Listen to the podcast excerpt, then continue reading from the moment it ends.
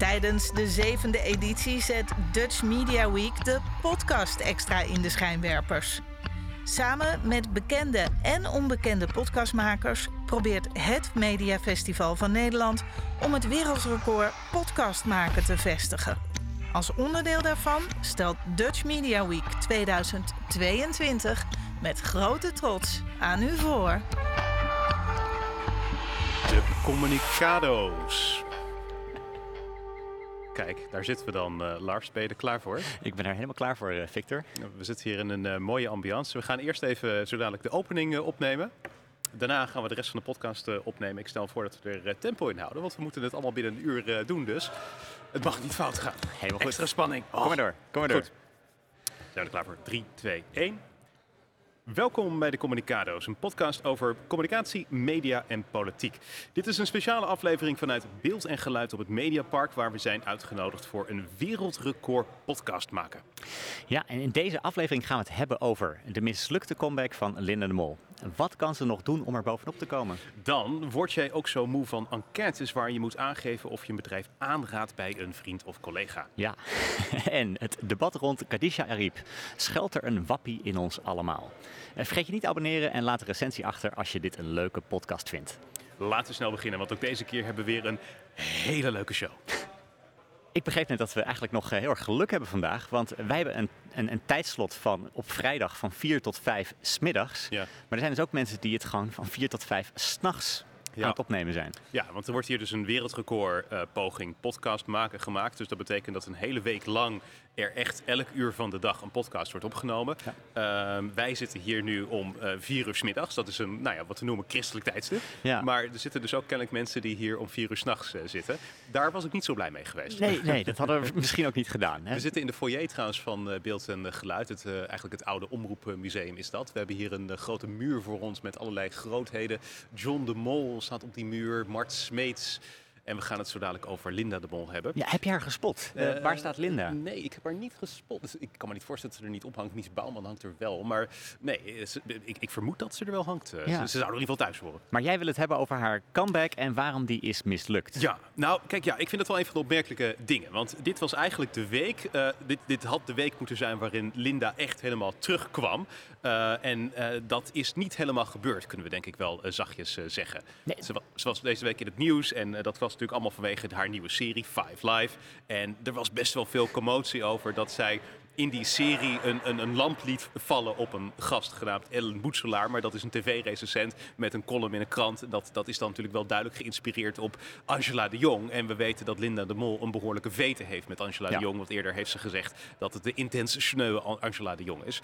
Uh, daar is veel kritiek op geweest op die scène. Uh, snap ik ook wel een beetje. Het was, een, het was in ieder geval uh, een, een, best schokkende scène met die lamp die ineens uit het, uit het plafond kwam vallen. Ja, echt uit het niets. daardoor is het natuurlijk vooral daarom gegaan en niet over het programma zelf misschien. Of, of Linda die. Nee, precies. En wat vooral is dat, dat heel veel mensen er wel kritiek op hebben. Want er is natuurlijk een soort van achtergrond waar ik het net ook over had van die veten die, die, die Angela en Linda met elkaar hebben.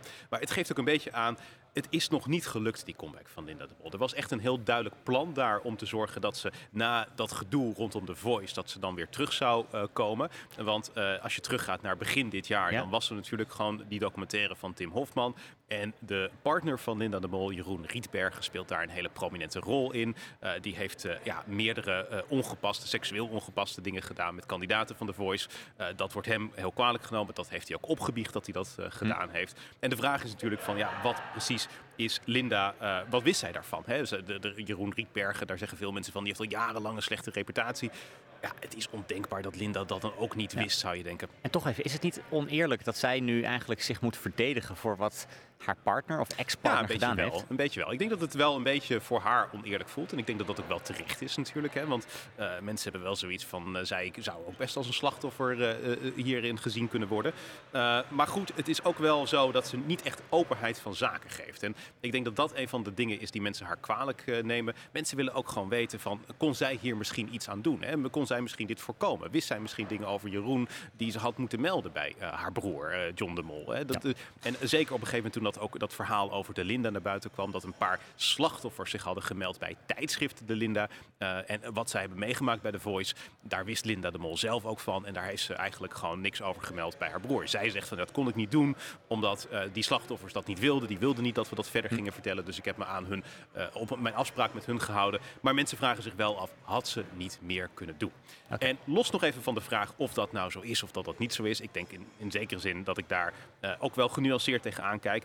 Ik vind wel dat ze het PR-technisch gezien echt heel, heel, heel slecht aanpakt.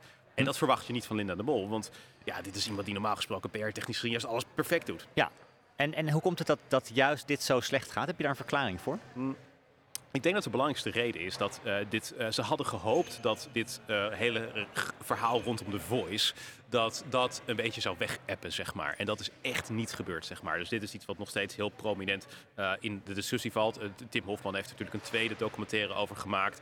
Um, we zien ook dat er nog heel veel berichten over zijn. Er was eerder dit jaar ook sprake van dat de Voice misschien al 2023 weer terug zou komen. Nou, daar heeft eigenlijk het ook niemand meer over, want dat is waarschijnlijk ook al te vroeg. Dus heel veel showbizrellen, die zijn echt na een maand totaal vergeten. Mm -hmm. Maar deze niet. Ik, ik kwam een andere showbizrel tegen. Albert Vlinde had eerder dit jaar gezegd dat Umberto Tan ook allerlei uh, wangedrag had vertoond. Uh, naar, en daar zelfs een, een, heeft, heeft, het dan aangifte over gedaan.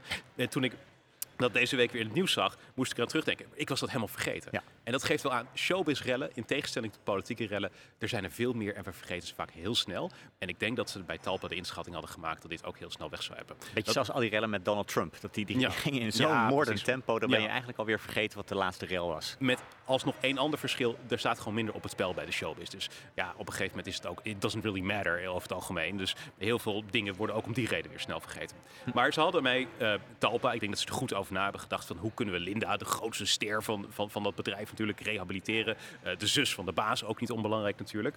En ze hadden daar een plan echt opgesteld, wat uit een paar fases bestond. In augustus zou ze terugkeren via een herhaling. Haar dramaserie Diepe Gronden werd herhaald primetime op SBS 6. Hm. Heb jij het gezien, Lars? Nee. Nee, nee. En nee. jij hebt dan geen televisie thuis, dus dat is niet zo gek dat jij het niet gezien hebt. Maar je bent niet de enige in Nederland die het Bijna niet niemand heeft het gezien. Nee, gemiddeld 50.000 kijkers primetime op SBS 6. Het werd na de shownieuws zomereditie uitgezonden. Uh, een programma wat uh, uh, ik enigszins ken natuurlijk. Maar, maar ik zou vertellen, ja. ja wat, wat hogere, wat niet hele hoge kijkcijfers had, maar wel wat hogere kijkcijfers had dan deze dramaserie van Linda de Mol. Het was een drama. En wellicht komt dat omdat het ook op Videoland staat, wie zal het zeggen. Maar het punt is een beetje, dat was een eerste indicatie dat het net niet helemaal lekker ging. En het was een soort, de bedoeling was om Linda even een zachte landing te geven. Dat ze niet voor het eerst in negen maanden weer met miljoenen te zien was, maar eerst via een herhaling. Kunnen mensen een beetje wennen aan Linda op zender en in de promo's. Maar goed, in september was dan fase 2. Toen kwam ze weer terug met het nieuwe programma, Miljoenenjacht. Heb jij dat gezien, Lars? Nee. Ook niet. Nee. nee. Nou, goed, dit werd iets beter bekeken. Pak een beet. Een miljoen uh, mensen hebben dat uh, gezien. Maar het is best veel, toch? Ja, het is best aardig. Het is best aardig. Best aardig. Ja. ja. ja. Jij wordt er niet blij van. Nou, nee, maar SBS wordt er denk ik op zich ook niet vreselijk blij van. Het programma scoorde in het verleden wel hoger. De vraag is of dat te maken heeft met het feit dat lineaire televisie in het algemeen natuurlijk minder scoort tegenwoordig. Uh, vroeger scoorde het echt meer dan 2 miljoen kijkers. Dus dat, dat, die, die tijd is wel verdwenen. Uh, maar goed. Maar het is een perfect programma om in terug te komen. Strak geformateerd, weinig verrassingen en volledig gemonteerd. Dus je kunt er allerlei dingen uithalen die je niet wil. Dus als een kandidaat iets onverwacht zegt over de voice, dan uh, kan je dat direct eruit knippen. Uh, maar, goed, ja. maar goed, dat was dus fase 2. Uh, dan, uh, fase 3, is dat ze ook haar werk bij tijdschrift Linda weer op kon pakken. Want dat heeft ze ook al die tijd niet gedaan. En daar kon ze voor het eerst haar eigen verhaal doen. En dat is een heel lang verhaal geweest. Dat is een lang verhaal geworden, ja. ja. ja. Je hebt het gelezen? Nee. Okay, ik heb echt niks Nou, dat is heel goed voorbereidend werk wat je hebt gedaan. Deze maar jij wel. Ik heb het gelezen, ja. Ja, ja het is twee weken oud. Er is al veel over te doen geweest. Uh, het was niet een hele sterke column. Erg defensief. Dus ze begint al te zeggen van... ja, het zal allemaal weer uit zijn verband worden getrokken wat ik hier opschrijf. Ja, nou, dan denk ik al van dat vind ik een beetje een zure binnenkomer. En dan vervolgens wordt er ook uitgehaald naar Tim Hofman en Angela de Jong. En dan denk ik ook wel van, ja, weet je, het druipt allemaal van het zelfmedelijden af. En dat vond ik minder sterk. Maar is dat ook niet iets wat je eigenlijk nooit moet doen in zo'n uh, bericht? Dat je die uithaalt naar anderen op het moment dat je het eigenlijk gewoon over jezelf wil hebben. Of misschien mm. wel over de slachtoffers wil hebben. In plaats van over ja, ja, met vingers weer naar andere wijzen.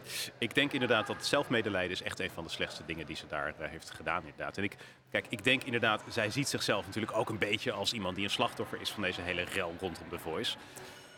Maar ja, het probleem is een beetje dat de kijker, de gemiddelde kijker van haar, die gaat dat nooit accepteren. Want ja, dat zijn mensen die loodgieter zijn, die verpleegster zijn, die hebben een hele drukke baan, fysieke, zware arbeid. Die krijgen niet al, allerlei lof toegezwaaid uh, de hele tijd. Linda de Mol wel. Dus het is natuurlijk heel erg gek als je dan vanuit die positie klaagt. Mensen snappen dat gewoon niet zo goed. Dus ik begrijp op menselijk niveau best dat je zelfmedelijden hebt. Het etaleren ervan is gewoon echt niet te doen. Dat kan je gewoon beter achterwege laten. Ja, dat zie je natuurlijk wel vaker bij lastige boodschappen. Ik heb wel eens met directeuren gewerkt die dan ook heel erg in de zelfmedelijden schoten. Mm. Dus dan gingen ze voor de groep staan en er was de boodschap dat 10% eh, van de medewerkers uh, ontslagen zou worden. Ja. En dan kondigden ze dat aan met, ja, dit is de lastigste dag van mijn eh, leven, want ik vind het echt heel moeilijk om dit te vertellen. Ja, ja. Ja, ja maar uiteindelijk de reactie van de mensen in de zaal was van ja, jij, maar jij hebt straks nog wel een baan, lul. Ja. dus, en wij zijn ontslagen, denken ze dan bij zichzelf. Ja. ja.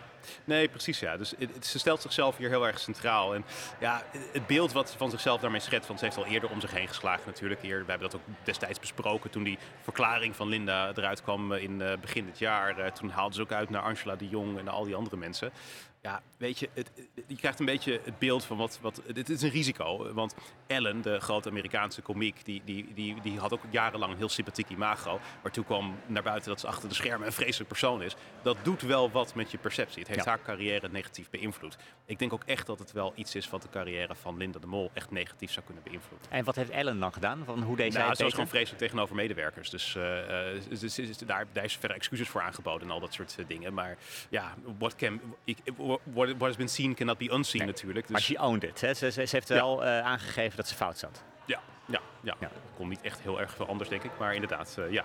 Maar goed, dit is dus een beetje wat het probleem is met, met die comeback van, van Linda. Maar uh, door in haar eigen tijdschrift een column te schrijven waarin ze haar eigen verhaal opschrijft, dat is een, een stap in, in, haar comeback die ik begrijp. Want daarmee hou je zelf natuurlijk in de hand wat je erover zegt. En je krijgt ook geen lastige vragen van allerlei uh, mensen.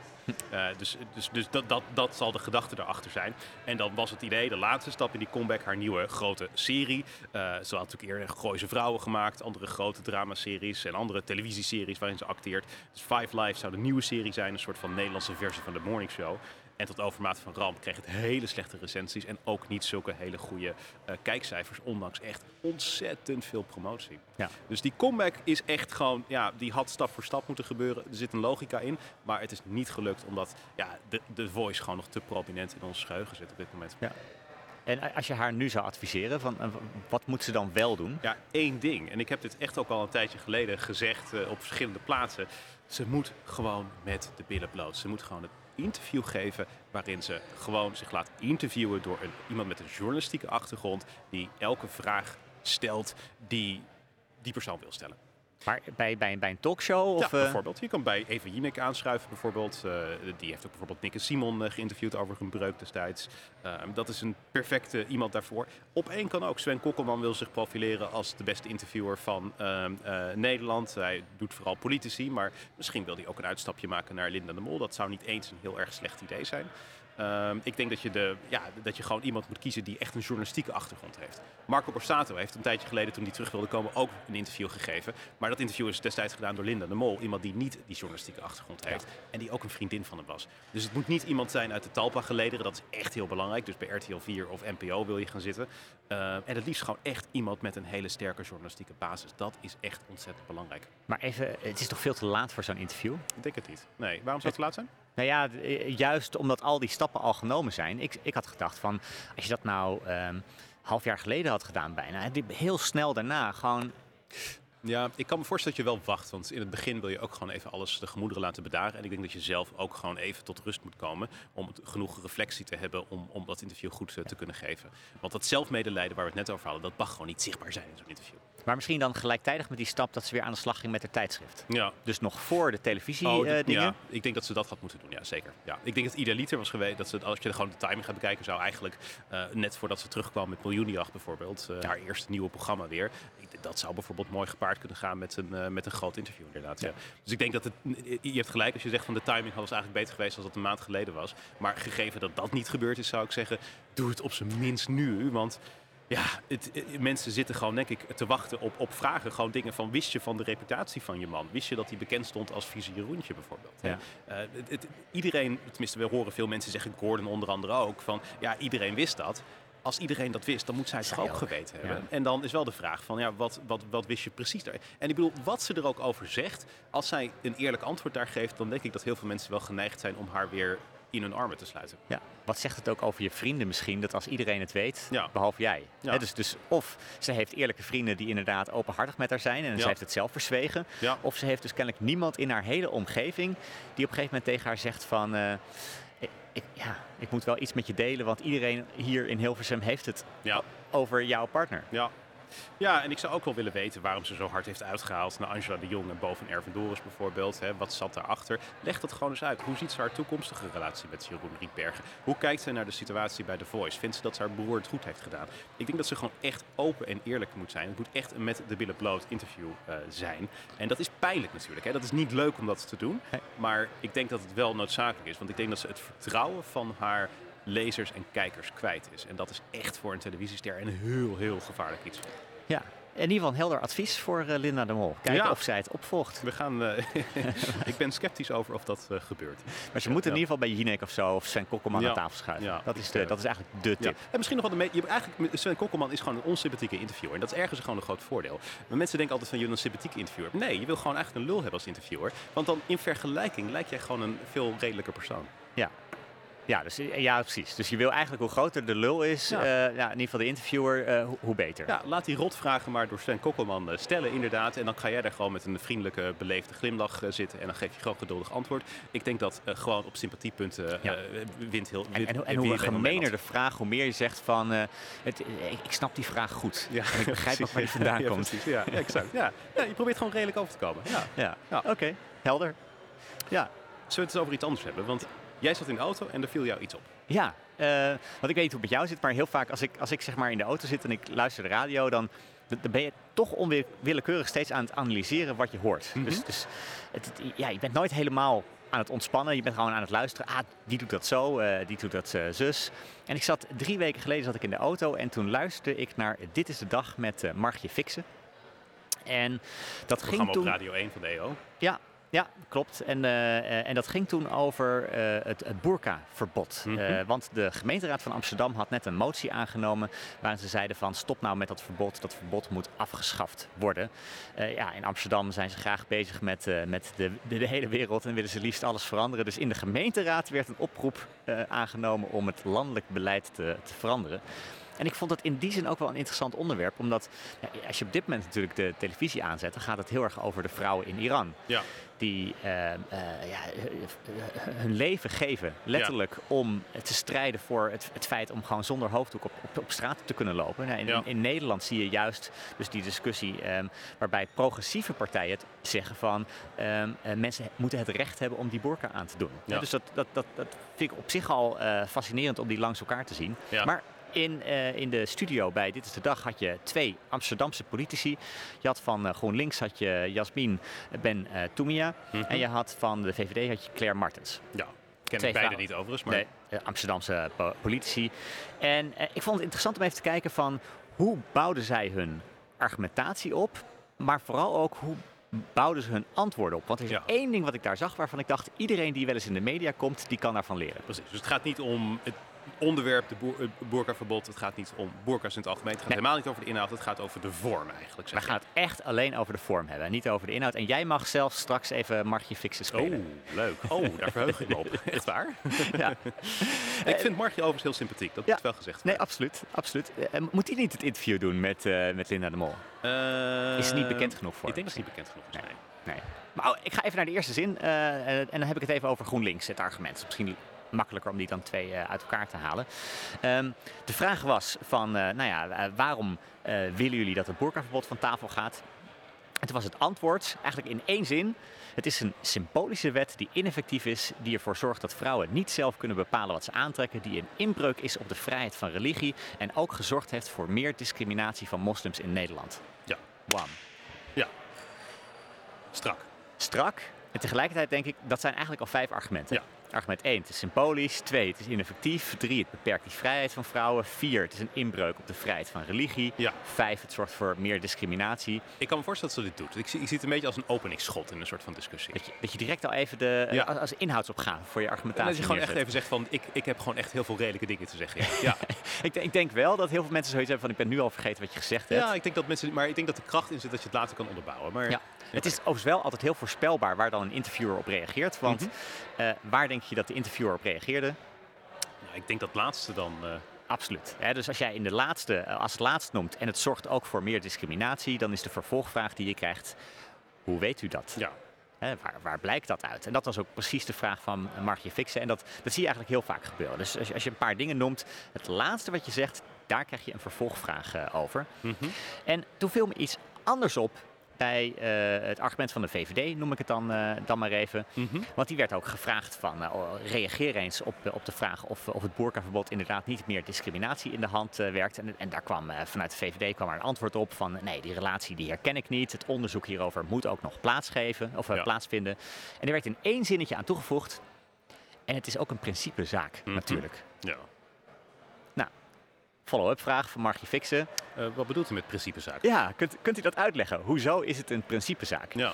En wat ik daar interessant aan vond, is dat ehm, dit had niks te maken met het voorafgaande wat werd ingebracht door eh, de VVD, noem ik het dan even. Dat Mhm. maakt het wel, houdt het overzichtelijk. Het was eigenlijk een heel nieuw punt. Dus je brengt Ja. een punt en in één zinnetje zet je aan het einde nog even... Ja, en het is, ja, het is ook een principezaak natuurlijk. Ja. Een soort van cliffhanger eigenlijk die je daar inbouwt.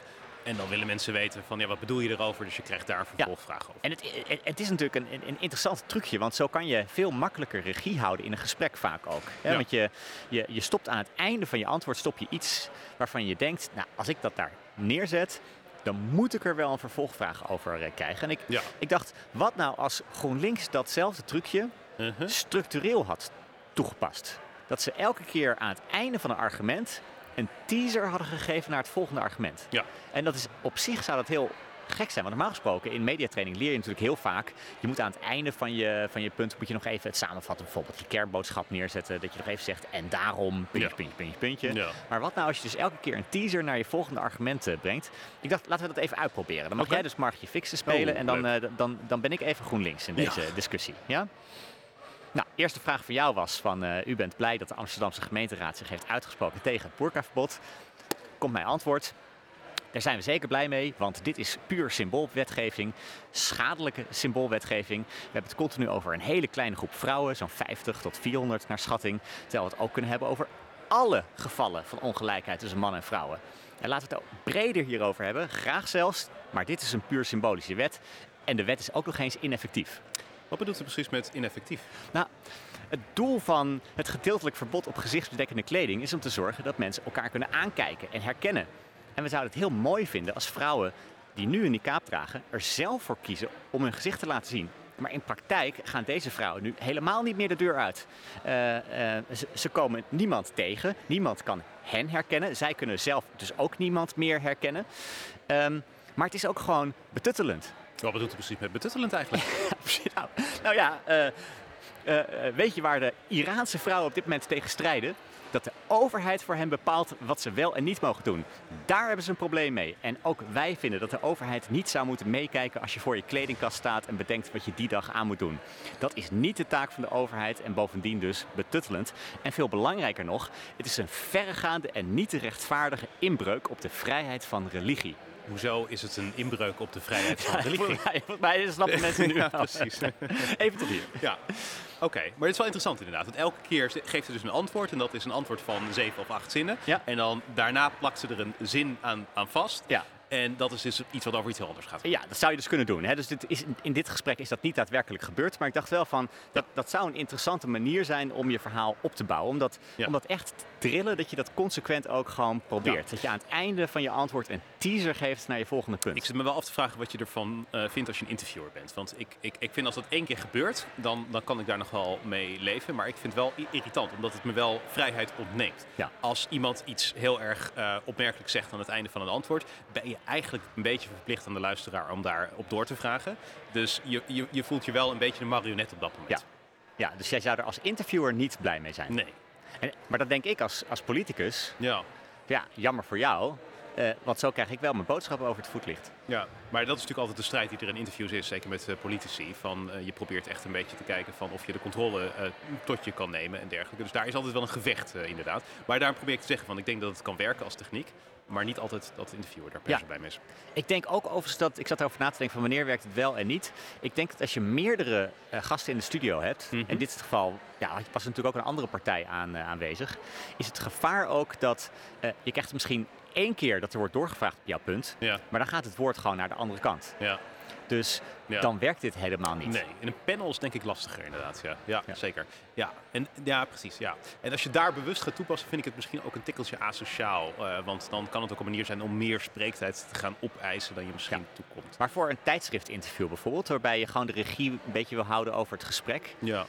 Ja, maar daar zou ik me geen zorgen om maken. Want een tijd, er wordt altijd hevig geknipt en dergelijke. En dan kan je altijd toch gewoon dingen erin uh, uh, gooien. Maar het, het, zijn ook vaak vrij nou ja, uitgebreide interviews. Als het kan makkelijk een half uur uh, duren. Dus ja. dan heb je ook heel veel kans om het op, op je eigen momenten er zelf nog in te plakken. Ja. Maar ik, zat, zijn er nadelen hiervan? Behalve dan dat de interviewer zich ja, een beetje weggezet voelt? Ehm, ja, ik vind het heel snel als een trucje overkomen. Dat is het enige wat ik altijd een beetje heb daarbij. Dus als het één keer gebeurt, denk ik dat ik uh, het accepteer. Maar ja. ik zou denk ik, als je het een paar keer achter elkaar doet, zoals we net in het één op één op één gesprekje deden, zou ik het al heel snel ja. als luisteraar ook vervelend. Jij, jij, deed ook wel heel erg overdreven. Ja, ja, nee, ja, maar goed, dat was de bedoeling toch? maar je hield je wel een beetje aan het script. Ja, nee, dus, Oké, okay. waarom is dit deze kritiek hier? ik doe wat er voor me gevraagd wordt. Nee. Nou, ik, ik, ik dacht dat uh, een nadeel kan ook zijn dat ik merkte aan mezelf van um, als je aan het einde van je punt direct ook al over iets nieuws begint, mm -hmm. dan geef je je luisteraar ook niet de tijd nee. om even jouw punt goed te begrijpen. Nee, dus je hebt uiteindelijk wel meer gezegd, maar of je publiek ook meer begrepen heeft uh, of meer zal onthouden, dat is denk ik wel de, de vraag. Want, ja. Ik vind het altijd wel een communicatietrainersding hoor, om heel ja. erg bezig te zijn met wat heeft het publiek ervan onthouden. Dat is toch wel belangrijk, vind ik. Ja, maar volgens mij onthoudt het publiek er überhaupt niet zoveel van. Ik denk dat, dat als je gaat kijken naar wat er van een uh, radio-interview wat de meeste mensen passief luisteren, dus niet echt heel actief. Hè? Het is een beetje wat aanstaat op de achtergrond. Uh, ik denk als je gaat kijken naar wat, wat 100 luisteraars uh, een dag later ervan herinneren. Nee, heel weinig natuurlijk. Ja, ja, heel weinig. Echt heel weinig. Maar wat nou als je helemaal niks gewoon, gewoon ook überhaupt op het moment zelfs begrijpt? Mm -hmm. Dat, dat je, wat, wat dat zo'n zo punt bijvoorbeeld over, nou ik had, ik had net het punt over uh, het, dat vrouwen het zelf moeten kunnen kiezen en zo. ja. Als je direct doorgaat met betutteling, ja. dan, dan, geef je ook niet je publiek een kans om even, even te begrijpen wat je zegt. Ja. Nee, misschien niet. Dus in, in die zin zou ik het vooral doen als je boodschap heel erg simpel is. En eigenlijk ook niet heel veel denkkracht vereist of zo. Als het een niet al te ja. ingewikkeld punt is wat je, wat, je, wat je brengt, dan kan je gewoon nou ja, met zo'n met zo'n haakje kan je direct het initiatief uh, weer uh, ja, Ik zou houden. het doen als je gewoon een uh, matige interviewer hebt. Of slecht voorbereide interviewer misschien dan is het wel nuttig namelijk. Ja, ik voel dan direct een, de neiging om te zeggen, hoe bedoel je dat? Een matige interviewer.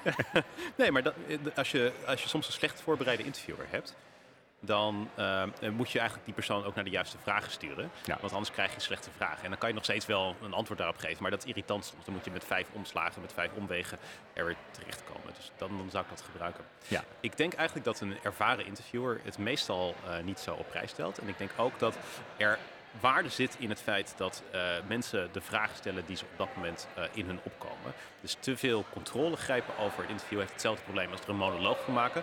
Het zorgt ervoor dat um, uh, het misschien voor de luisteraar niet zo prikkelend zou kunnen zijn als het is. Ja. Dus een interview moet gewoon de vraag stellen die hij op dat moment het meest interessant vindt. Ja.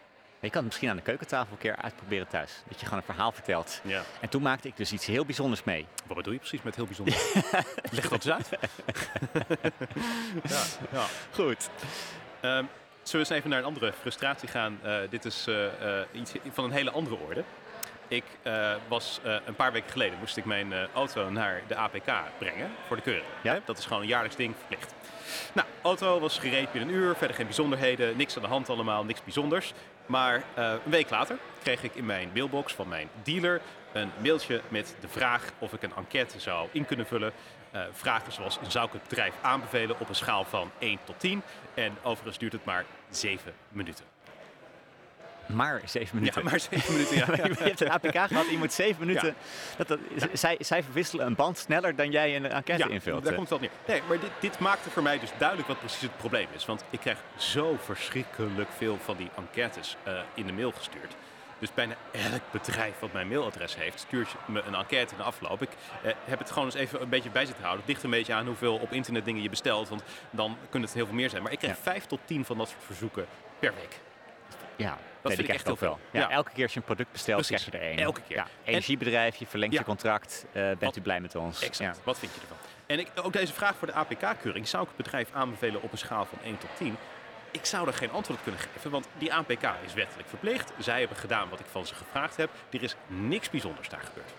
Nee. Hoe moet ik daar in hemelsnaam een cijfer voor geven wat ook maar een klein beetje correspondeert met de werkelijkheid? Ik weet het niet. Nee. Ik, bedoel, ik heb geen slechte ervaring, maar het is ook niet een hele grote prestatie om een APK-keuring te doen. Hè? Dus ja, zou ik ze aanbevelen met een 10? Ja, waarschijnlijk niet. Maar ik zou het ook zeker geen onvoldoende geven, want op zich was ik tevreden erover. Ja, nou, mijn autodealer die doet het wel slim. Want ik, ik heb dan elk jaar dat je jaarlijks onderhoud hebt. En dan krijg je de APK krijg je er gratis bij. Dus dan vervangen ze soms ook preventief wat eh, onderdelen aan je, aan je auto. Ja. En dan bellen ze altijd rond het middaguur. Ja. En dan zeggen ze, meneer Duursma, eh, we hebben goed naar uw auto gekeken. En dan, eh, Ja. eh, wij adviseren om dit te doen. Vindt u dat goed? En dan om deze reden. En, en, dan, en dan noemen ze dat. En dan zeggen ze van bij elkaar is dat dan zeg 700 euro. Ja. Nou, dan denk je, verdorie, 700 euro is best, best een flink bedrag. En dan aan het einde van de dag kom ik bij de, bij de garage. En dan sowieso, eh, eh, kleine dingen zijn goed geregeld. Hè? Dus eh, een, een waterflesje staat voor me klaar om mee te nemen als ik dan weer de auto instap en dat soort dingen. Ja. Maar als ik dan ga pinnen, is het eigenlijk ook altijd 50 euro minder Ja. dan wat ze me eerst verteld hadden. Ja. Dus dan is het 650 euro. En dan denk ik, Wat het managen van jouw verwachtingen ja, inderdaad. Ja, het nou, valt mee. dat, dat, dat, dat valt eigenlijk wel mee. Dan, Ja. dan, ja, ik vul die enquêtes eigenlijk nooit in dus. Nee. Maar als ik een enquête had ingevuld, had, was ik dan waarschijnlijk wel blijer geweest. Ja, hoewel ik nou dit soort trucjes ken ik hoor, want elke dealer doet dit. Dus ik ben inmiddels ook gewend als zij bellen en zeggen van het gaat 700 kosten, dan verwacht ik op zijn minst dat het 650 is. En als het 2 euro meer is, dan denk ik al potverdorie, het valt toch meteen. Dus al die trucjes werken echt heel beperkt. Maar, maar mijn punt is meer over die enquêtes. Ik word er dus echt helemaal gek van. En ik vind het ontzettend moeilijk om op basis van een korte interactie met een bedrijf een hele uitgebreide vragenlijst in te vullen. Want ik heb daar vaak gewoon geen goed idee van. Wat vond ik van de servicemedewerker? Ja, ik heb die man bij de APK-keuring twee seconden gesproken. Het leek me een hele aardige man, maar ik heb er gewoon geen indruk van. Hoe in hemelsnaam moet ik daar nou verder Nee. een heel erg duidelijk oordeel over vellen? En ik was ook op Schiphol. Ik was, eh, vorige week hadden we geen uitzending omdat ik even in het buitenland was voor een paar dagen. Eh, ik kwam op de wc op Schiphol. En weet je wat ik daar zag? ik wil het niet Een weten. je kunt dus drie knoppen indrukken met een rode, een groene of een, eh, eh, een, een, een, een, een, een gele. Dus een soort Ja. van stoplicht. Wat vond je van de wc stond erbij? Maar als, als er iets is wat ik niet zou aanraken op een wc, dan is het wel zo'n knop, zeg maar. Ja, nee, ja, ik vond het ook vreemd. Ja. Maar het geeft wel aan, we zijn echt gewoon geobsedeerd met die enquêtes. En ik denk dat er eh, verschillende problemen mee zijn. Eh, ten eerste heb ik gewoon het filosofisch probleem. Het is niet mijn taak om jouw dienstverlening te verbeteren. Hè? Ik, je, je, outsourced nou jouw werk naar mij. Maar ga gewoon zorgen dat je orde zijn. En dat, je- vraagt best wel veel van mijn tijd als je gewoon zeven minuten elke keer te doen. Als ik, er, als ik er tien dus per week krijg, is dat 70 minuten. Ja. Dat is niet niks. Hè? Zeker Dat als is één vraag is die je gewoon direct kan antwoorden. Ja. vind ik het inderdaad wat anders dan zeven minuten de tijd nemen om, eh, om, Ja. om echt elk element van de dienstverlening te gaan zitten beoordelen. Maar wat gebeurt er met die data? Ik ben eigenlijk heel sceptisch daarover. Ik heb niet het idee dat sinds we massaal enquêtes zijn gaan uitsturen... dat echt de kwaliteit van bedrijven en de dienstverlening enorm verbeterd is. Ik denk eerlijk gezegd dat er vaak niet zo heel vreselijk veel met die data gebeurt. Bedrijven doen het meer omdat ze gewoon bevestigd willen zien dat ze goed bezig zijn. Ik denk dat intern dan een manager die verantwoordelijk is voor een bepaalde groep kan laten zien... kijk, er zijn geen problemen, er is niks aan de hand. Ja. Eh, en dat het, als er misschien een, een dipje is, dat ze dan gaan kijken of er eh, iets veranderd moet worden en dat soort dingen. Maar ik denk dat er in de praktijk niet zoveel zou gebeuren. Ik zou het eigenlijk best redelijk vinden als jij een enquête hebt ingevuld, dat je een terugkoppeling krijgt van het bedrijf. Zeggen van oké, we hebben het gezien dat de afgelopen tijd dat we op dit punt lager scoren en daarom hebben we dit gedaan om dat te verbeteren. Ja. Doet niemand. Of, of je, je kiest er als bedrijf al voor van eh, we zijn op dit moment vooral op dit gebied Ja. Bezig om verbeteringen door te voeren. Kunt u ons daarom specifiek op dit gebied ook ja, beoordelen? Vind ik ook redelijk. Ja, vind ik redelijk. Ja, dan heb je gewoon een specifieke vraag aan mensen. Ja. En dan word je er echt bij betrokken. Maar ja, meestal is dat gewoon niet het geval. Dus ik denk dat de meeste data, daar wordt gewoon niet zoveel mee gedaan. En ik denk ook, en dat vind ik ook een probleem met deze enquête, de, de, kwaliteit van die data laat echt wel ook de wensen over, vermoed ik zo. Want die enquêtevermoeidheid die ik voel, uh, er is ook in het Engels een, een, een, woord voor, survey fatigue. Ja. Uh, nou ja, er zullen heel veel mensen dat hebben. Ik denk dat je uh, disproportioneel veel ontevreden klanten bij dit soort enquêtes krijgt. Ja, ik denk dat je, inderdaad, de, als je echt ontevreden bent, dan vul je hem in. Ja. Maar als, er, als, als je eigenlijk, uh, nou, nou oké, APK, check, ja. dan ga je hem niet invullen. Nee, precies, exact. Tenzij er iets is gebeurd wat niet goed is natuurlijk. Ik had dat dus een paar jaar geleden bij mijn APK-keuring. Weet je wat ze hadden gedaan? Nee. Ze hadden gezegd van, ja, u kunt hem morgen ophalen. Dus ik kom de volgende dag langs, stromen de regen op de fiets naar de dealer. En wat blijkt? Ja, sorry meneer, hij is toch nog niet klaar. We zijn vergeten te bellen. Ja, dus ik was toen een beetje gefrustreerd natuurlijk. Echt stroomrijk, kletsnat. Toen dacht je, waar is het evaluatieformulier? ik wil nu weten. Ja. Nee, maar het punt was, eh, ik kreeg hem inderdaad een week later in de mail. En het punt is een beetje, ik durfde geen laag cijfer te geven aan de over de medewerker. Ik vond dat het slecht is dat hij me niet gebeld had, maar ik durfde hem dus ook geen vier of zo te geven. Weet je waarom niet? Omdat hij volgende keer ook weer aan jou auto nee, moet... Nee, nee, nee, nee, nee, het is niet het eigen belang. Nee, ik denk gewoon dat die dealer, uh, dat, dat, dat ze hun medewerkers daar te hard voor straffen. Hmm.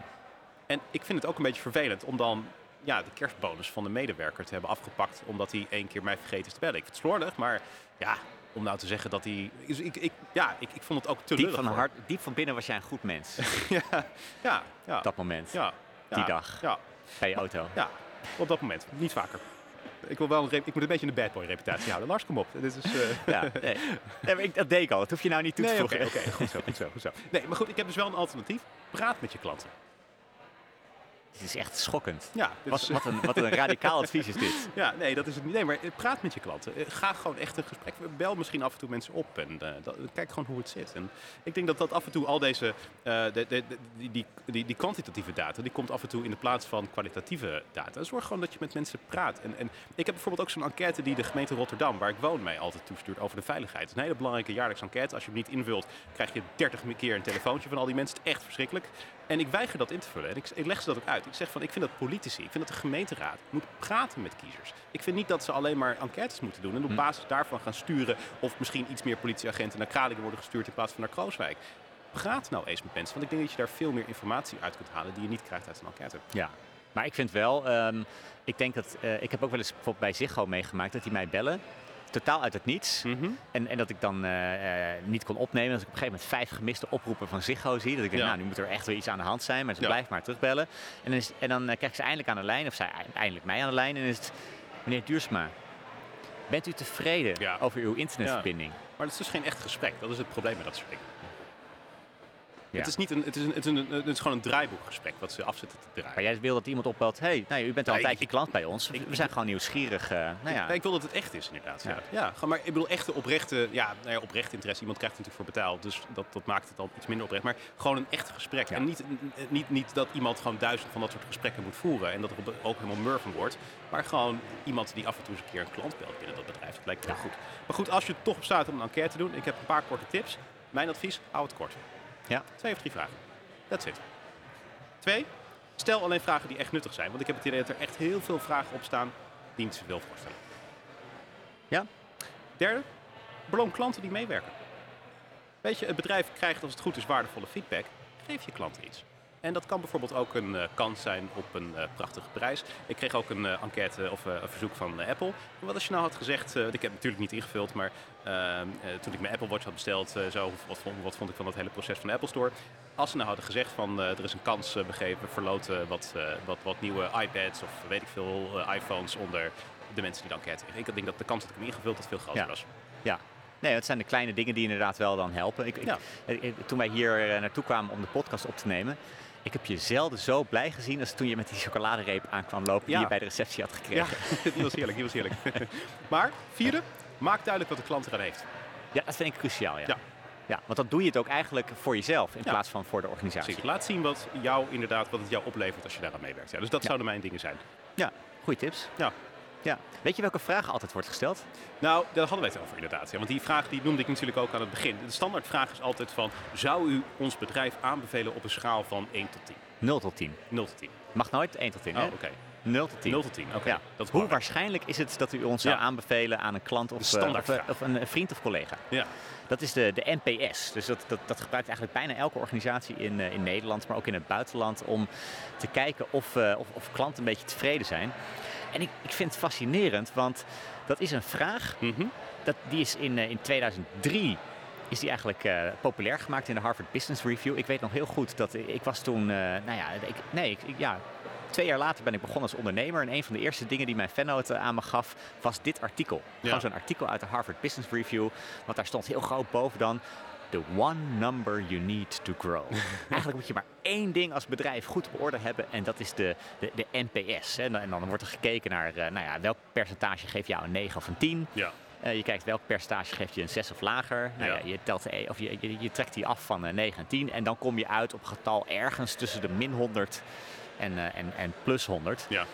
En het was direct een hit Ja. in managementland. Dat is volgens mij ook wel verklaarbaar, want ehm, Het is simpel toch? Dat is het, grote voordeel Kijk, als, van jij, dit soort als jij een managementartikel schrijft eh, en jij zegt eh, Ja. eh, iets moet echt veel ingewikkelder. Ja, dan En dit niemand is het. hoe. Nee, nou, precies. boe, dat wil niemand. Terwijl als jij zegt, het kan zoveel simpeler. Het is één datapunt. Op basis van dit datapunt kun je echt heel veel gegevens over je bedrijf Ja, afleiden. dat, dat, dat vindt iedereen mooi. En, Ja. en de grap is, sindsdien is er echt heel veel onderzoek gedaan naar de vraag, zegt dat nummer nou iets? Ja. Zegt dat getal iets? Met andere woorden, elke enquête heeft dit. Maar de vraag is, werkt het wel? Ja, antwoord? Nou, ik vermoed dat het antwoord nee is. Nee, nee. Ja. Er is eh, eh, eh, uit heel veel wetenschappelijk wetens, eh, vervolgonderzoek is gebleken dat er is geen correlatie met of mensen zeggen Uh-huh. dat ze je aanraden en dat ook daadwerkelijk doen. Gewoon nul, Hmm. geen correlatie. En er is ook geen correlatie met of mensen jou hoog scoren op deze vraag en vaker jouw producten of jouw diensten Ja. afnemen. ja. Dus je hebt eigenlijk helemaal niks. Ik vind dat ook wel eigenlijk dit- best wel logisch. antwoord. Want ik zit gewoon te denken aan mijn dealer. Zou ik ze aanbevelen? Ik, ik, ik denk dat als, als ik die enquête zou invullen, dan zou ik ze best een positieve score op dat vlak eh, geven. Maar ik zou het, het is een dealer van een specifiek merk. Dus als jij dat merk auto niet hebt, dan ga ik het niet aan jou aanbevelen. En als jij in Amsterdam zit en ik woon in Rotterdam, waar mijn dealer zit, Ja. ga ik het je ook niet aanbevelen. Dus of de kans er echt toe is, dat- en, en zelfs als die kans is, moet ik het herkennen. En ik denk zelf dat het best wel lastig is. Nee, nee. Dus ik kan me voorstellen dat het geen enkele relatie heeft wat ik daar aangeef als mijn antwoord en wat ik in de praktijk doe. Ja, ja, in- inderdaad. En dat, dat zie je natuurlijk ook uit heel veel gedragswetenschap. Dat als je echt wil kijken of iets vaak gebeurt, Ja. dan moet je niet naar de toekomst kijken, Ja, dan moet je naar het verleden kijken. ja, Dus stel nou dat ik wil weten hoeveel chips jij eet. ja. Dan kan ik vragen van Victor op een schaal van 0 tot 10. Mhm. Hoe waarschijnlijk is het dat je vanavond chips gaat eten? Nee, het is nul. Je eet echt nooit chips? Ik eet nooit chips, nee. speel nou eens gewoon mee, Wat moet Victor. ik dan zeggen? Ja, nee, maar ik, ik, ik had namelijk ook kunnen vragen van de afgelopen week, Mhm. hoe vaak heb je chips gegeten? Ja, ook niet, dus, of of nee. de afgelopen, afgelopen dag heb je chips gegeten? Ik ben minder een chipsman. Ja. Maar eh, dus, dus Wel die een vraag over eh, de toekomst, Ja. van wat ga je doen, is, echt een heerlijke chocoladereep. is eh, sowieso minder interessant. Waarom hebben wij nooit chocoladereep als we de podcast opnemen? Nu wel. Ik vond ja, het echt dat, dat, gesmak. Ja, het was ook zo'n eh tonische reep. Ja, oh, ja. dat was echt lekker. Maar ik dacht goed, dus, sorry, dus je hebt er, ja, wetenschappelijk heb je er dus helemaal niks aan, aan die NPS. Ik dacht wel van, ik ga even in het bedrijfsleven op zoek naar mensen die heel veel van dit soort dingen uitsturen. Uh-huh. Van waarom zou je het dan wel doen? En één iemand die, die, die gaf me aan, Robin, die, was die is ook eerder hier in de, in de podcast Ja, geweest. klopt. Weinig mensen hebben zoveel mails gestuurd in hun leven als Robin. Dat deed Ja. hij eerst bij Achmea, Centraal Beheer, toen bij eh, Ziggo, nu bij KPN verstuurt hij alle, alle mails. Ja, En die zei ook van, je, je moet het NPS ook wel in de juiste context zien. ja, ja. Want toen NPS opkwam, waren er eigenlijk alleen financiële KPI's, hè, dus Ja. eh, maat, maatstaven. Ehm, dus er werd heel veel naar de financiën gekeken, Ja. maar niet naar of klanten tevreden waren. En dit was eigenlijk de tegenhanger daarvan. Want je moet meer kijken naar, eh, naar, naar klanten. En Ja. het, het, het, het is, zelfs als het niet altijd meet wat je wil meten, is het wel heel vergelijkbaar. Want iedereen in de hele sector ja. datzelfde, diezelfde vraag stelt. Ja. Dus je kan je makkelijk jezelf vergelijken met eh, je concurrenten. Ja. Maar ook omdat je al zelf waarschijnlijk al 15 jaar deze vraag stelt, kan je het makkelijk vergelijken met jezelf. Dus terwijl, is je, standaard geworden eigenlijk. terwijl als je nu een andere vraag gaat stellen, ja, dan, dan, dan, dan ben je ineens blind. Dan, Ja. dan weet je eigenlijk helemaal niet of iets goed is of niet. Dus Ja. dat is eigenlijk de reden dat die, dat die vraag nog steeds ook wel waardevol kan Mm. zijn. En hij zegt bijvoorbeeld ook als je een team van eh callcenter agents, zegt hij, eh, als je die vraagt van eh, ik wil dat jullie nu alles gaan doen om een NPS van 50 te scoren. Ja, Je mag zelf weten hoe. ja. Nou, dat kan ook wel motiverend werken. Ja. dus dat je gewoon één maatstaf hebt. En dat is beter dan ik wil dat je op, op vijf criteria goed gaat scoren bijvoorbeeld. Ja. Ik moet wel zeggen dat uh, ik uh, echt heel graag nu business ga geven aan bedrijven die geen enquêtes meer versturen. Als er een bedrijf is dat zegt wij sturen je geen enquête de afloop, ik kom direct naar je toe, ik bestel alles bij je. Het, het lijkt me wel mooi verkoopargument. Ja, 100% enquêtevrij. wij vragen jou niet of je, of, of je ons aanbeveelt. Ja, precies, exact. Ja, ja. zeker. Dus, uh, dus, uh, dus dat. Maar min, minder enquêtes voor Victor. Ik word er echt moe van, ja. ja. zeker. Ja. Oké, dan hebben we nog uh, één ding. Ariep. Heel controversieel. Heel veel in het nieuws geweest de afgelopen week. De oud-Kamervoorzitter. Mag ik even zeggen, geweldige vrouw. Uh, nou ja, ik denk dat heel veel mensen dat vinden. En zo, zeker in de zetel uh, in de Tweede Kamer mm -hmm. uh, had ze humor, ja. had ze gezag. Ja. dus als Kamervoorzitter in de Kamer deed ze heel veel dingen goed. En er zijn weinig goede Kamervoorzitter geweest. Want ze heeft Anoushka van Miltenburg opgevolgd. Nou, dat was natuurlijk een drama. Vera Bergkamp, drama. Geen gezag. Ja. En Kadisha Ariep had dat allemaal. Maar daar gaat het hier niet om. Nee. nee. Want we gaan het over iets anders hebben. En we gaan het zelfs niet hebben over wat, uh, wat, haar, uh, nou ja, wat, wat, naar buiten is gekomen. Wat, uh, wat uit, uit, vooral natuurlijk de, het onderzoek van NRC Handelsblad, die heel veel mensen heeft, heeft gesproken. Kan je mij nog even wat water Ja, jij wil wat water. We doen gewoon echt heel interactief hier. We maken mensen deelgenoot van jouw waterverslaving. Um, NRC, daar zijn de nodige dingen naar buiten gekomen. En zelfs daar wil ik nu niet echt diepte ingaan van wat er precies naar buiten is gekomen. Zo'n opbouw naar een punt hoor. Ja. Je zegt van we gaan het niet waar hierover hebben, we gaan het niet daarover waar hebben. Waar ik naartoe wil, waar dan is eigenlijk één ding. Op een schaal van 0 tot 10 mm -hmm. zou je aanbevelen? Nee, nee, nee, nee. nee, nee. ik zou er aanbevelen. Nee, ja. nee um, um, ik vind de maatschappelijke polarisatie interessant. Mm -hmm. Want je zag eigenlijk al toen het voor het eerst uh, naar buiten kwam via NRC dat er onderzoek zou plaatsvinden. Of dat er opdracht gegeven is of besloten is om onderzoek uit te laten voeren. Ja. Dat er een soort van tweedeling leek te ontstaan. Dat de helft, die zei echt direct, wat een schande. Ariep wordt hier kapot gemaakt. Dit kan echt niet. Mm. en, en, ging op een gegeven moment zelfs mee in dat verwijt van Ariep dat het allemaal de schuld is van Vera Bergkamp. Ja. En de andere helft zei van, nou, als zoveel mensen klagen, 23 mensen, 23 mensen die een klacht hebben ingediend in een periode van 3,5 jaar bij bedrijfsartsen, vertrouwenspersonen. Ja. Nou, dan moet er toch in ieder geval een onderzoek wel plaatsvinden. Ja. En op een gegeven moment leken die twee groepen ja. steeds verder uit elkaar mm -hmm. uh, te, te, staan. Dat, um, er kwam op een gegeven moment, een week later, kwam er, kwam er nog meer naar buiten via NRC Handelsblad. Ja. De helft van alle mensen leek al bij voorbaat alles te disqualificeren wat er in NRC stond. Ja. En, en, en, dat vond ik fascinerend. Um, uh, is natuurlijk een bekende term voor de confirmation bias. Hè? Dat je, mm -hmm. We gaan vooral op zoek naar dingen die ons gevoel, wat we al diep van binnen vinden, dat bevestigen. Ja. En tegelijkertijd dacht ik toen van, ja, maar dit is precies wat we wappies verwijten. Mm -hmm. dat, dat, ze, dat ze iets al vinden, misschien op basis van gevoel. Dat ze alleen maar op zoek gaan naar, naar dingen die dat bevestigen. Ja. Um, het is niet één op één vergelijken natuurlijk. Hè, of, je, of, je, of, je, of je coronawetenschap ontkent of dat je een mening hebt over uh, Ariep. Nee. Maar ik dacht wel op dat moment, schuilt er niet een wappie in ons allemaal? Ik denk wel dat we allemaal de neiging hebben tot uh, confirmation bias. Dus in dat opzicht uh, deel ik je analyse wel. Ik vind het lastig, want ik ben dus ook wel fan van Ariep. Ik geloof dat ze al die dingen heeft gedaan die ze in dat NRC-artikel, dat, dat dat, wat daarin stond, dat, dat, dat, zeg maar, ja, dat is een vervelend mens. Johan Derks heeft gezegd, het is een pleuriswijf. En dat geloof ik. Het is een pleuriswijf. En dat is precies wat haar een goede kamervoorzitter maakt. Je en een slechte leidinggevende. Uh, nou ja, maar je moet gewoon tegen draad zijn. Dat is een beetje het punt. Je moet gewoon iemand zijn die af en toe vervelend durft te zijn. Ik vind dus het probleem dat er in de Kamer te veel Kamerleden zitten die grijze muizen zijn. Vera Bergkamp heeft zich naar boven gewerkt door gewoon te slijmen bij allerlei machtige mensen. En ja, ik, niet. ik ja. denk dat je uiteindelijk dat gewoon niet moet doen. Ariep niet. Ariep ging daar tegenin. Ze was juist iemand die stevig in haar schoenen stond. Ja, nou, en dan denk ik dat er dus heel veel mensen zijn die uh, ja, jou niet leuk vinden. En daarom met dit soort dingen naar buiten komen. En daar allerlei hele zeg maar, grote termen aan plakken. Want als ik aan machtsmisbruik en uh, grensoverschrijdend gedrag denk... Ja, dan denk ik aan dingen zoals uh, corruptie, bedreiging, al dat soort zaken. Dan denk ik niet aan iemand die een stoel weg heeft gehaald bij een vergadering... omdat ze een ambtenaar niet mocht. Ja. En dat is wat er gebeurd is.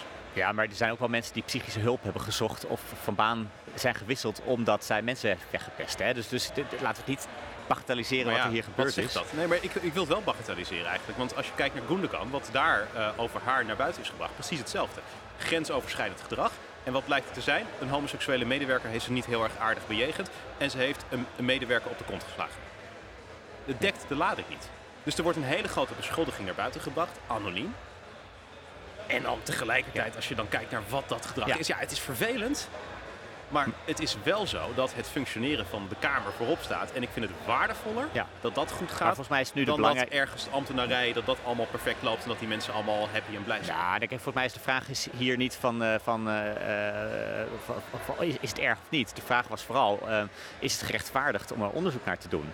En uh, dat, dat, dat vind ik wel. Ja, dat is zeker ik heb het geval. geen probleem met onderzoek per se. Ik heb wel een probleem met het feit dat het naar buiten is gebracht. Ja, maar ik bedoel, dat vindt iedereen volgens mij. Dat het, het had niet zo naar buiten mogen brengen, maar ja. mogen komen. Maar wat, wat ik dus uh, her, vooral ook zag in die confirmation bias, is dat op een gegeven moment kreeg bijvoorbeeld NRC Handelsblad kreeg echt het, het verwijt van, die, van de helft van die mensen van, ja, dit, dit is, er wordt alleen maar met anonieme bronnen gewerkt. Ja.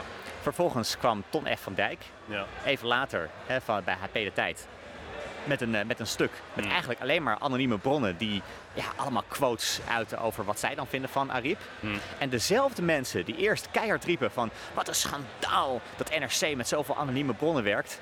Zeiden vervolgens, hè, Frans Wijsglas bijvoorbeeld, de oude-Kamervoorzitter, uh, op Twitter van... Oh, wat goed dat, dat Ton F. van Dijk dat, dat hij dit doet. En toen dacht ik, ja, dat kan niet allebei waar zijn. Je, je kan niet aan de ene kant een probleem hebben met anonieme bronnen en aan de andere kant anonieme bronnen toejuichen als ze iets zeggen waar je het mee eens bent. Maar je zou kunnen zeggen, dit zijn waar je de anonieme bronnen voor gebruikt. Hè? Dus uh, in de journalistiek worden veel anonieme bronnen gebruikt en met dat principe heb ik geen probleem. Dat moet soms.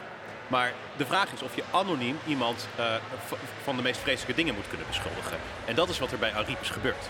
Het is anoniem, zonder dat wij kunnen toetsen wat de motieven van die mensen zijn, beschuldigd van allerlei dingen die uh, nou ja, niet zo fijn zijn. Ja, de, muziek wordt steeds harder gezet. De Ik ben benieuwd of je dat kan horen in de podcast. maar misschien dat we toch voor het tijdslot van 4 tot 5 uur s'nachts moeten, moeten, moeten gaan. nee, maar dat is toch het probleem. Het, is, het probleem is niet algemeen met anonieme bronnen, maar het specifieke gebruik van deze anonieme bronnen. Uh, ja, maar dan denk ik bijvoorbeeld ook, daar zat een heel groot verschil tussen NRC Handelsblad en HP De Tijd bijvoorbeeld. Bij NRC de Handelsblad zag je echt dat ze hebben gekeken of meerdere bronnen hetzelfde bevestigden. En ze mhm. hebben dat alleen gepubliceerd als het aannemelijk gemaakt kon worden aan de hand van ja. uh, documenten, brieven, uh, OR, ja. gespreksverslagen, uh, gespreksverslagen. HP De Tijd heeft gewoon alleen maar wat quotes naar buiten gebracht. Er stond een quote boven met, uh, uh, met, met heel hard verwijt van... is coördinatie, dit is allemaal gecoördineerd van bovenaf. Heeft één iemand gezegd. Ja. En direct werd dat naar buiten gebracht en, en, en direct werd het door mensen gedeeld van... kijk, zie je wel, dit is er aan de hand. En toen dacht ik van ja, hier gaat dan toch wel iets, uh, iets, uh, iets, iets heel erg mis. Dat mensen ja. echt alleen maar dingen zoeken die dat bevestigen wat ik merk wel een trend in Nederland dat wij allerlei Kamerleden die kritisch zijn, uh, dat, dat die uh, ja, wel echt het leven zuur wordt gemaakt. We hebben het gezien bij Pieter Omtzigt. We hebben het gezien bij Nilever Gundogan. We hebben het nu gezien bij Kadisha Ariep. Uh, Tweede Kamerleden moeten kritische, vervelende ja. Mensen zijn. Ze moeten de regering het vuur ja, aan de schenen. Als Kamerlid, absoluut. Ja. Maar als leidinggevende heb je een andere verantwoordelijkheid dan als nee, dat, Kamerlid. Dat, dat, betwist ik niet, dat deel. Maar ik, wat ik wel betwist is dat ik ben er niet zo zeker van dat de dingen die nu over Kadisha Ariep naar buiten zijn gekomen eh, zo erg afwijken van wat andere mensen hebben gedaan. Hetzelfde geldt voor Nilüfer Gundogan. Ik heb niet het idee dat zij dusdanig anders zijn dan heel veel andere mensen. Alleen het komt bij hun naar buiten. En dan is mijn vraag, waarom komt het bij hun naar buiten en bij de anderen niet? Ja. Is dat misschien een manier om ze zwart te maken en om ze uit te schakelen? Hebben mensen daar baat bij? Nou, dat zou je wel kunnen zeggen. Ik, ik, denk dat het beter zou zijn als het, als het inderdaad consequent naar buiten zou komen. Nee. Je kunt je volgens mij de, de, grote vraag die ik had na het lezen van het NRC-stuk is: hoe is het in hemelsnaam mogelijk ja. dat het nu pas naar buiten komt? Ja. dus, uh, dus ja. dat zou eigenlijk alle, uh, ja, ook direct een tegenargument zijn bij jou. Jij zegt het komt bij sommigen eerder naar buiten dan een ander. Nou ja, bij Ariep is het 15 jaar lang niet, nou, iets minder, tien, jaar, tien jaar lang uh, niet naar buiten gekomen. Ja. Ook in haar Partij van de Arbeidstijd waren er al heel veel medewerkers die over haar klaagden. Ja, maar daar, het, het gedrag van Nielever Gundogan vind ik ook in dat opzicht ook wel een opmerking is. Dat zijn alledaagse dingen die daar meer gebeurd zijn. Maar goed. In ieder geval een discussie. Uh, ik denk dat confirmation bias altijd wel iets wat op de loer ligt ja. bij heel veel mensen. En betekent ook dat we allemaal de neiging hebben om uh, uh, zeg maar bevestiging te zoeken ja. van dingen die we al geloven. Mis, misschien nog één ding dan. Okay. Want jij had tips aan het einde. Van ja? Hoe kan je die confirmation bias in ieder geval ook als journalist of journalistiek medium voorkomen? Ja. Ik denk wat, wat NRC Handelsblad heel erg goed deed, is ehm, de journalistieke normen hoog houden. En zij laten dit soort stukken altijd door twee verslaggevers schrijven, niet mm -hmm. Waarbij één ook een afstand heeft tot de sector waar dan over geschreven wordt. Ja, ja. Uh, want ik denk dat als één politiek verslaggever bijvoorbeeld een stuk schrijft, zo'n ja. onderzoek doet naar Ariep, ja, dat dat toch minder geloofwaardig en betrouwbaar is dan wanneer je dat met z'n tweeën doet en één iemand een afstand heeft en je elkaar daar ook in dat hele proces scherp kan houden. Deze keer is een artikel geschreven door Hugo Lochtenberg en Lemja Roe, geloof ik. Ja. Dus dat zijn toch wel beide politieke verslaggevers? Of? Ja, ja, ja, Hugo Lochtenberg doet meer onderzoeksjournalistiek ook. Hij heeft ook bij, uh, bij uh, Overmars volgens mij ook ja, uh, en zo de andere dingen. In het verleden heeft hij wel volgens mij de parlementaire redactie gewerkt, maar nu niet meer. Ja, ja, dan snap ik het. Ja, oké. Ja, goeie tip. Ja, zeker. Dus, oké. Volgens mij moeten we zo gaan afronden, want de, de nou, marathon gaat verder hier op het podium. Absoluut. En we hebben natuurlijk aan het einde normaal gesproken de vraag, het Vic en Lars rubriek, de rubriek waarin we elke week een vraag van een luisteraar beantwoorden. In deze onzekere tijden zijn we jouw bron van wijsheid en dat gratis en voor niks. Maar in deze week vond niemand uh, het gepast om van die wijsheid uh, gratis gebruik te maken, want we hebben geen vraag. Zonde. Uh, dat kan je volgende week wel doen. Vraag het Vic en Lars at gmail.com. Dat nog een vraag, een advies om onze mening of iets persoonlijks en zelfs impertinent zijn. Vraag het Vic en Lars at gmail.com. Goed, tot zover deze aflevering van de Communicado's. Uh, wij gaan hier lekker aan de bol in beeld en geluid. Vergeet je niet te abonneren en te recenseren. Een hele fijne dag. Hoi hoi. Je luistert naar de recordpoging podcast maken van Dutch Media Week 2022. Binnen enkele ogenblikken staat de volgende podcast voor je klaar.